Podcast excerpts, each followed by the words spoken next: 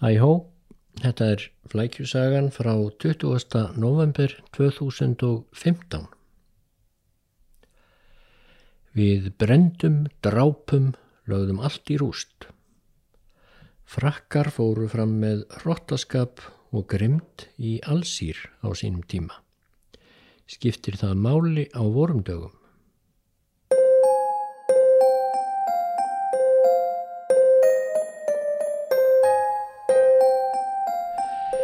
Þannig, kæri vinur, verðum við að heia þetta stríð. Við verðum að drepa alla kallmenn sem náð hafa 15 ára aldri og hyrða konur þeirra og börn. Í einu orði sagt skulum við útrýma öllum þeim sem ekki skrýða fyrir fótum okkar eins og hundar. Þetta er ekki úr tölvuposti sem njóstnastofnanir nútímans hafa fiskað upp úr ljósvakanum og fóru milli hriðjuverkamanna Daesh eða öðru nafni ISIS eða Íslamska ríkisins.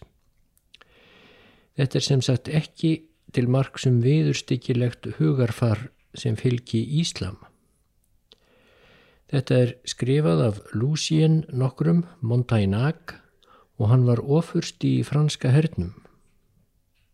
Og þeir sem hann taldi svo nöðsynlega þurfa að drepa voru íbúar í Allsýr árið 1843. Þessi flækjusaga var skrifuð í tilefni af hriðjuverkunum viðurstíkilegu í París föstudagskvöldið 13. november 2015. Þar sem ansi oft gemur í ljós að hriðjuverkamenn í Fraklandi eigi sér norður afrískan og yðurlega allsýrskan uppruna Þá fór ég að kanna sögu Fraklands og Allsýr en um 200 ár eru síðan frakkar gerðu að tilefnislausu innrás í Allsýr og hófu það stríð sem Lucien de Montagnac háði af svo mikilli áfergju. Af orðum hans sem getu allt eins verið höfð eftir ísismönnum nútímans má til dæmi sjá að það er ekki trúarbröð sem slík sem blásamönnum í brjóst þeirri grimd sem í orðunum byrtast. Du Montagnac var að sjálfsögðu virðulega kristinn og katholskur. Það tók frakka mörg ár að brjóta allsýringa undir sig á 19. öldinni og þeir síndu mikla hörku og fyrstinn skrifaði til dæmis líka við brendum, drápum og lögðum allt í rúst. Við eldum þá uppi hvar sem þá var að finna, hrifsuðum konur þeirra, börn, búfjænað. Við höldum nokkrum kvennana í gíslingu en skiptum á hinum fyrir hross og afgangin seljum við á uppbóði eins og múlasna. Þessir allsýringar sem frakkar drápu höfðu þó ekkert til sakaunnið nema reynað verja landsitt fyrir innrásarherr. Eftir að hafa brotið alla andstöðu á bakkaftur beittu frakkar sér fyrir miklu landnámi Evrópabúa í allsýr. Allsýringar sjálfur voru sviftir löndum sínum svo að Evrópamennir kemur stað. Þessir Evrópabúar voru senna kallaðir svartfætlingar eða pjednor af óljósum ástæðum. Upphaflega voru þeir fyrst og fremst franskir en setna komið til sögurnar spánverjar, ítalir, gríkir, maltverjar og fleiri Evrópabúar. Til svartfætlinga fóru einnig að teljast gýðingar sem höfðurraunar verið búsettur á svæðinu lengi og fallið ágætlega inn í samfélagið. Þótt alls ekki allir svartfætlingar hafi verið velstæðir, má þó segja að þeir hafi verið sankvölduð yfirstjett í allsýr, ekki ósveipað og kvítir menn í Suðurafríku á tímum apartheid stefnunar. Fransk yfirvöld kúuðu innfæta allsýringa mjög markvist á ymsan hátt, skatt píndu þá og neituðu þeim um pólitísk réttindi sem smátt og smátt voru færið svartfætlingum. Frakkar lögðu til dæmis nýður skóla allsýringa sjálfra á 19. öld, svo læsi sem hafði verið mjög almennt rundi nýður úr öllu valdi. Í kringum aldamóti 1900 komu frakkar hins vegar upp nýju mentakerfi þar sem áhersla var lögð á að kenna allsýringum frönsku og innleiða franska menningu meðal þeirra. Þannig hugðust þeir smátt og smátt að laga allsýrsku þjóðina eða réttar sagt svolítinn hluta hennar að frökkum. Þessi hópur var kallaður Evolue og svo að kaltæðinislega vildi til að þeir og afkomendur þeirra urðu einmitt með tímanum helstu fram á menn sjálfstæðisbaráttu allsýringa gegn frökkum sem hófst þegar nokkuð var líðið á 20. öldina og smjög fiskur um hrygg á fjórða áratugnum og þó ekki síst í setni himstyrjöldinni. Á hinbógin síndu sveitir allsýringa sem teknar voru í franska herin Fraklandi oft og tíðum alveg ótrúlegt trygglindi. Allsýringar börðust til dæmis með frökkum í stríðinu við þjóðverja 1870 og síðan í báðum heimstyrjöldunum á 20. öld og meira sé að þegar sjálfstæði stríðið braust út voru þessar hersveitir allsýringa oftar en ekki tryggar frökkum. Þá gengu þessir allsýrsku herrmennundur nafnu Harkísar. Eftir heimstyrjöldinu mátti flestum vera ljóst að nýlendu veldi Evrópustórveldana voru á fallanda fæti.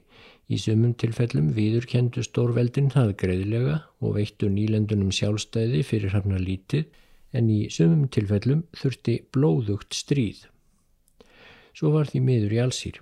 Frakkar síndu engin merki þess að ætlaði veita aðtikli æg háværari sjálfstæðiskröfum allsýringa og þá fóru baráttu samtök þeirra, FLN, að safna vopnum. Allsýr stríð, svo kallað, hófst svo á allra heilagra messu 1. november 1954 þegar skærulega sveitir FLN gerðu 30 samræmdar árásir á margvísleg skotmörk. Sjömanns létu lífið og voru fimm þeirra af frönskum uppruna. Jafnframt voru byrtar heitstrengingar frá FLN um að nú væri hafinn barátta sem ekki þið látið niðurfalla fyrir en frakkar væru á burt frá landinu að fullu og öllu. Franska ríkistjórnin brást mjög hart við. Frakkar voru nýbúnur að gefa nýlendur sínar í Suðaustur Asíu upp á bátinn eftir að hafa tapað stríði við Vietnama og ætluði sér ekki að missa allsýr út úr höndunum líka. Því var líst yfir að allsýr væri óaðskiljanlegur hluti Fraklands og ekki kemi til mála að slíta sambandið millir landana. Næstu átta árin geysaði svo grimmilegt skæruliða stríð í landinu. Frakkar höfðu yfirburði í mannabla og búnaði og smátt og smátt náðu þeir að þjarma mjög yllilega að FLN og fórustu samtakana.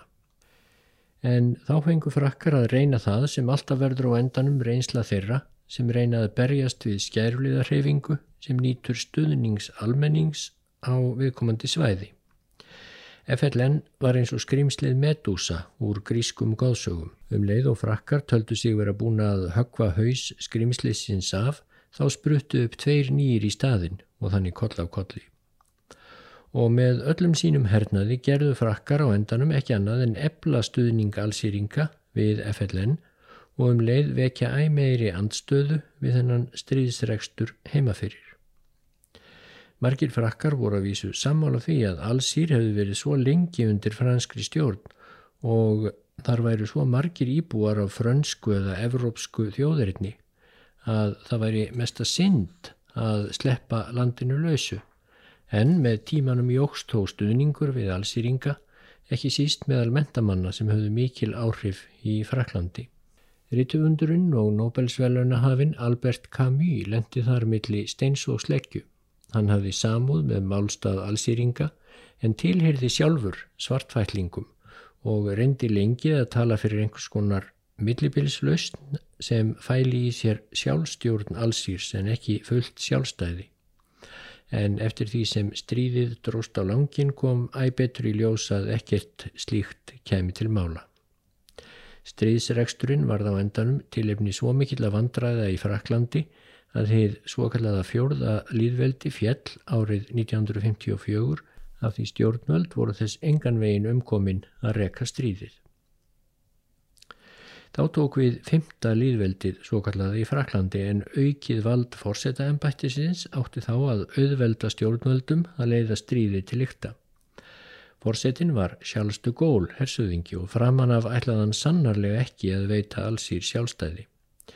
Franski herin vann mikil grimdarverk í Allsýr og þegar 30.000 allsýringar í París fóru í mótmælagöngu í oktober 1961 let lögreglustjóri borgarinnar skjóta á gönguna og letu þar líklega 200 manns lífið. En FLN stóð líka fyrir viðbjóðslegum hriðjuverkum og má nefnað í júli 1962 var ráðist að svartfætlingum í óran og þúsundir manna týndu lífi í skjelvilegu blóðbaði. Þá var þó séð fyrir endan á stríðinu.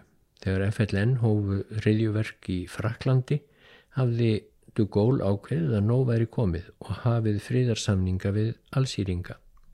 Það mætti gífurlegri mótspyrnu innan franska hersins og nokkrir hersöðingjar raðgerðu meira segja valdarán frekar en gefa allsýr upp á bátinn.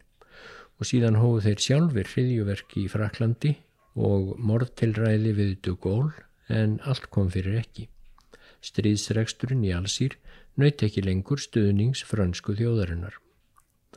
Fréttir um mjög umfangsmiklar pyntingar á föngum sem franski herin og leinithjónustan höfðu til dæmis lengi stundað vakti sankalladan viðbjóði í Fraklandi og víðar.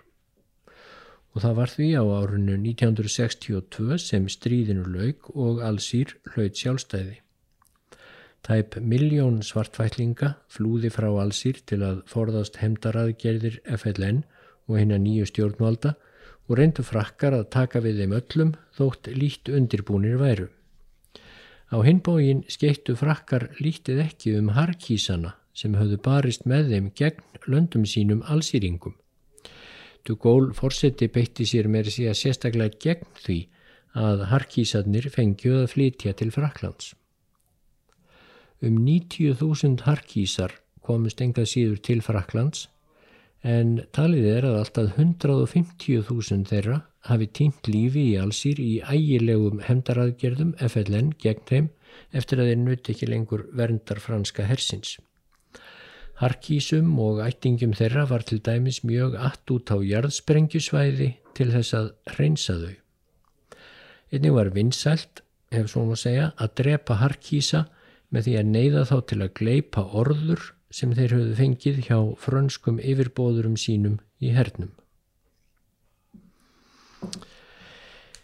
Bæði Frakland og Allsýr voru lengi í sárum eftir þetta grimmilega stríð þótt sár frakka hafi reyndar fyrst og fremst verið á sálinni. Þeir áttu erfitt með að horfast í augu við hegðun stjórnvalda sinna og hersi Allsýr og í áratugi var Allsýr stríðið sangkallað femnismál í Fraklandi. Í allsýr hefur gengið á ímsu eftir að sjálfstæðið vanst. Landið var beininís í rúst, bæði eftir stríðsátökin og flótta svartfællingana sem höfðu verið aðal driffjadrir atvinnulífsins í landinu. Ben Bella, leiðtói FLN, varð fórseti, hún var svo steift af stól eftir tvö ár. Aðrir einræðisherrar tóku við hver af öðrum og reyndu að byggja landið upp úr rústum stríðsins. Það gekk hægt en í lok nýjunda áratugurins var landið að færast í átt til líðræðis. Kennarar sem fluttir höfðu verið inn frá miðausturlöndum höfðu hins vegar breytt út bókstafstrú og í kostningum 1991-2 var einsýnt að harður íslamistaflokkur næði völdum. Þá voru sett neyðarlög og borgarastríð braust út. Það varð verulega grimmilegt og bæði íslamistar og herminn stjórnvalda fremdu ægileg hriðjuverk. Eftir tæpan áratug var þróttur íslamista þorrin að mestu og borgarastríðið dó út.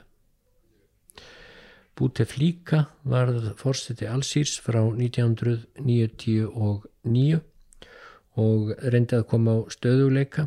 Í allsýr á nú að heita líðræði en það stendur þó vart undir nafni en þá. Þokkaleg kyrð ríkir þó í landinu þessi misserinn og lífskjör almennings eru yfirleitt viðunandi miðað við aðstæður í sambærilegum löndum. Róstur í kjölfar arabíska vorsins 2011 urðu ekki verulegar. Mjög stór hluti frakka er af allsýrsku bergi brotin sem er teljað alltaf 5-6 miljónir frakka geti á einnið annan hátt rakið ættir sínar til allsýr en það þýðir að um er að ræða hátt í 10% þjóðarinnar. Framanaf var engum um að ræða afkomendur Harkísana sem náðu þó að komast til Fraklands en fljótlega eftir að allsýr fekk sjálfstæði fóru venjulegir allsýringar líka að streyma til Fraklands í atvinnuleit og margir kusu að setja staði í landinu. Og hvað sem líður öllu frjálslindi frakka við síni og upplýsingu, þá fór svo að fólk af allsýrskum uppruna sittur flest allt í lægri stigum fransks samfélags. Aðeins einn frakki af allsýrskum ættum hefur orðið sankölluð þjóðhetja í Fraklandi fótboltamadurinn Sínedín Sídán sem leiti frakka til heimsmeistaratitils í fótbolta árið 1998.